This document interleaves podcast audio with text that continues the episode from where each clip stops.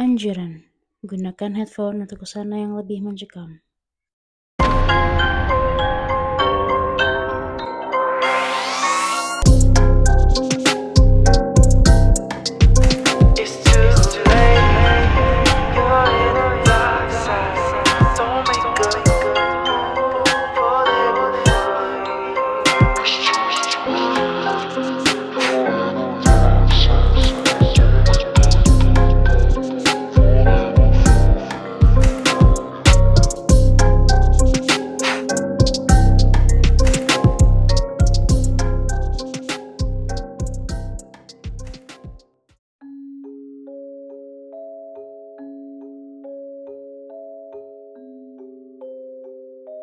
Saya bukan orang indigo atau orang yang mempunyai indera keenam. Tapi keluarga saya bilang kalau saya iga jarang, dan itu sepertinya keturunan dari keluarga saya. Jadi saya itu sebenarnya sekarang-sekarang gak terlalu sering lihat hantu, tapi sometimes masih suka lihat. Kalau waktu kecil saya sering lihat, bahkan pernah mereka ngajak saya main. Tapi kalau sekarang saya bisa tahu dan merasakan kalau tempat tersebut berhantu dan ada hantu apa aja di situ. Padahal saya nggak lihat. Nggak tahu kenapa pasti ada yang bisikin atau langsung terpikir. Di situ ada kuntilanak, di situ ada pocong, di situ ada anak kecil. Dan ternyata pas saya tanya ke saudara saya yang indigo, benar kalau di situ ada sosok itu. Di belakang rumah saya ada pohon alpukat dan ada miska yang mendiami pohon itu. Satu waktu pada saat menjelang maghrib, tetangga sebelah rumah saya chat saya via WA. Dia nanya ke saya begini, Ais, kamu lagi ketawa bukan? Ah, enggak teh. Kenapa? Ini aku lagi masak nih di dapur. Bohong ya. Enggak, beneran. Udah maghrib ngapain seserian? Atau lagi maghrib ngapain ketetawaan? Ih, aku dengar suara ketawa di belakang rumah kamu. Saat kejadian itu sih saya biasa saja. Karena memang dia ada di pohon alpukat. Jadi ya udah saya mah biasa aja. Setelah dua hari kejadian, tetangga saya mendengar Miska ketawa. Di jam satu malam, saya lagi begadang dan benar-benar nggak bisa tidur saat itu. Akhirnya saya nonton YouTube di handphone dengan volume agak sedikit keras. Posisinya pintu kamar saya terbuka lebar. Oh ya, jadi depan kamar saya itu lorong ke arah dapur.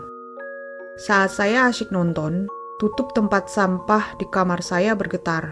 Saat saya lihat getarannya berhenti. Saya lanjut nonton. Seketika mata saya tertuju ke arah lorong.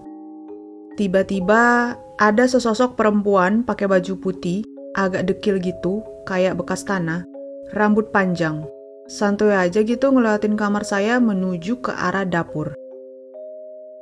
Pas dia lewat, seketika tutup tempat sampah di kamar saya bergetar lagi. Saya gak takut saat itu. Malah saya langsung cek ke lorong dan saya tutup pintu kamar saya. Habis itu saya langsung visi pacar saya. Saya ceritain tuh apa yang barusan saya lihat. Pacar saya bilang, kamu berisik kali malam-malam YouTubean. Makanya dia dari pohon alpukat langsung nemuin kamu, biar kamu tidur. Lah ini kan rumah aku. Masa dia yang ngatur-ngatur? Gak ada adab tuh Kunti.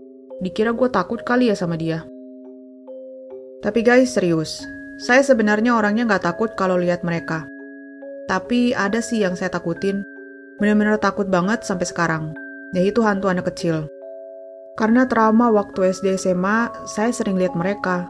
Pertama di rumah kakek saya, kedua di rumah saya, ketiga di rumah tetangga saya, dan mereka serem banget bergerombol, boncel-boncel pula. Saya kalau inget-inget lagi, udah deh nggak sanggup. Lebih baik ketemu Miska daripada anak kecil.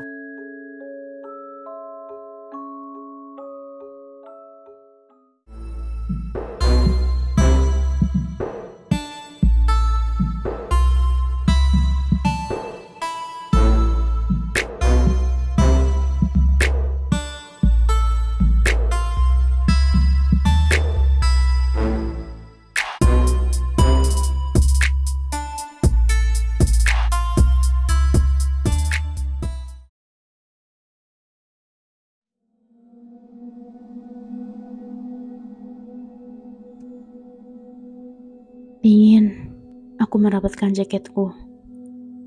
Entah sudah berapa batang rokok yang kuhabiskan menunggu bis sialan ini. Kulihat jam di tanganku sudah menunjukkan pukul 12 malam. Mataku sampai bosan melihat ke arah jembatan layang janti. Sudah hampir dua jam aku menunggu di sini. Benar-benar brengsek. Tak satu pun bis yang mau berhenti. Mana sendirian pula. Jadi agak-agak merinding. Campuran antara takut ada preman kesasar sama aroma mistis malam Jumat Kliwon yang dikenal orang Jawa sebagai malam keramat. Dari arah barat, kulihat sepeda motor melambat. Nampaknya dia mau nunggu bis juga. Yang dibonceng seorang pemuda gondrong dengan jaket bergambar lambang salah satu perguruan tinggi di Ring Road Utara. Dia turun sambil melepaskan helmnya. Dia tidak, Si pengendara motor muter balik sambil melambaikan tangannya. Lumayan, ada barengan di sini.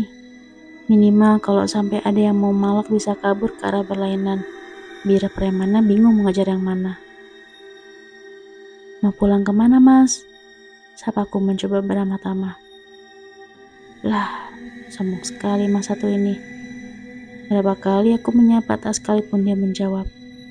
Pura-pura gak denger sok-sok sibuk melihat arah datangnya bis di arah jembatan layang. Ini mungkin yang pernah dibilang Simbah di kampung.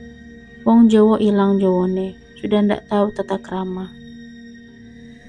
Untunglah tak berapa lama kemudian bisa datang. Sumber Kencono. Bis legendaris jurusan Jogja Surabaya. Dan kali ini bisnya mau berhenti. Si Mas Gondrong naik duluan lah, kok aku baru naik satu kaki, si bisnya udah jalan lagi.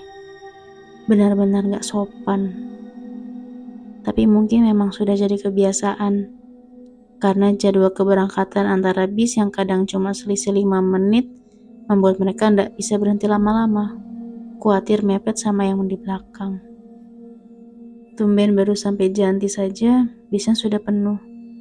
Ada satu dua kursi yang kapasitasnya tiga orang baru ditempati dua orang tapi penumpang yang di situ nggak ada yang menawarkan tempat duduk padaku.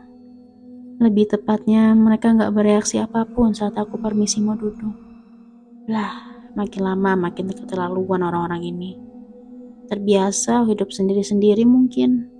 Sudah hilang segala macam ramah tamah yang konon dulu pernah jadi salah satu ciri orang sini.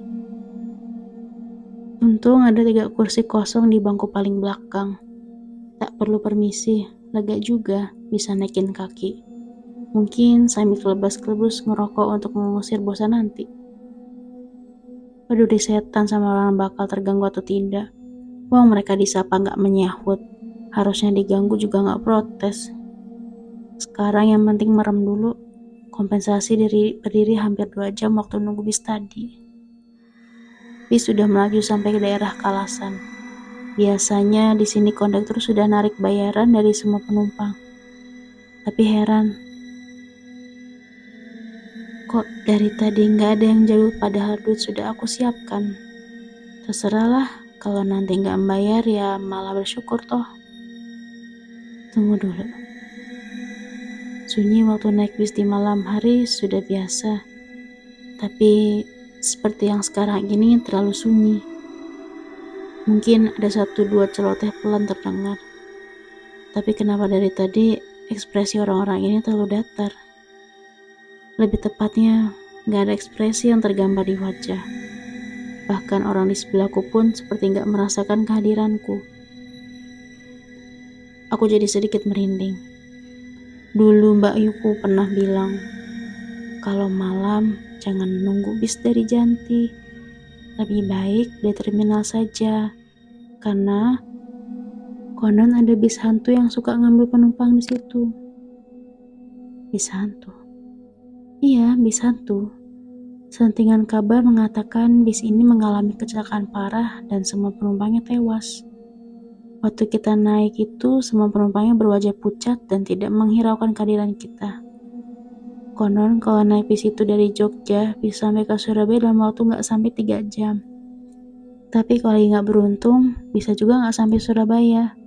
Kita malah dibawa ke alam tak berantah. Lebih celaka lagi, katanya Besanto itu sumber kencono yang memang terkenal suka kebut-kebutan. Mas, sampean mau turun mana? Aku mencoba menyapa penumpang di sebelah, sekaligus mengusir rasa penasaran. Masa iya dia Besanto? Dia nggak menjawab.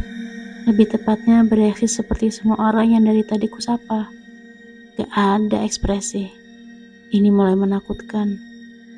Ku coba menepuk bahunya agar dia menanggapi sapaanku. Sial, tak aku menembus bahunya. Dia tidak nyata. Dia bukan manusia. Pak, kiri pak, saya turun sini. Teriakku panik. Tapi mereka tetap dingin tanpa ekspresi. Sialan, mungkinkah aku akan kebawa ke alam gaib seperti yang orang-orang pernah ceritakan? Bulu kuduku merinding, badanku terasa dingin. Tapi percuma panik sekarang, Aku mencoba mengingat doa-doa yang diajarkan Simba dulu. Sial, lupa semua. Hampir tanpa sadar, aku meraih sebatang rokok. Kunyalakan perlahan dan kuhisap dalam-dalam untuk mengusir tegang. Cak, kok bisa bau kemenyan? Penumpang di sebelahku menadak menutup hidung. Menatap lurus seakan menembusku dan bertanya pada kenak yang berdiri di pintu belakang. Gak apa-apa mas, kadang emang suka tercium bau kemenyan. Katanya dulu di Jantis itu pernah ada penumpang lagi nunggu bis meninggal ditusuk waktu ribut sama preman. Kalau malam Jumat Kliwon kayak sekarang ini, katanya dia suka ikut naik bis. Kasian, mungkin matinya nggak tenang. Aku termangu dan bis terus melaju.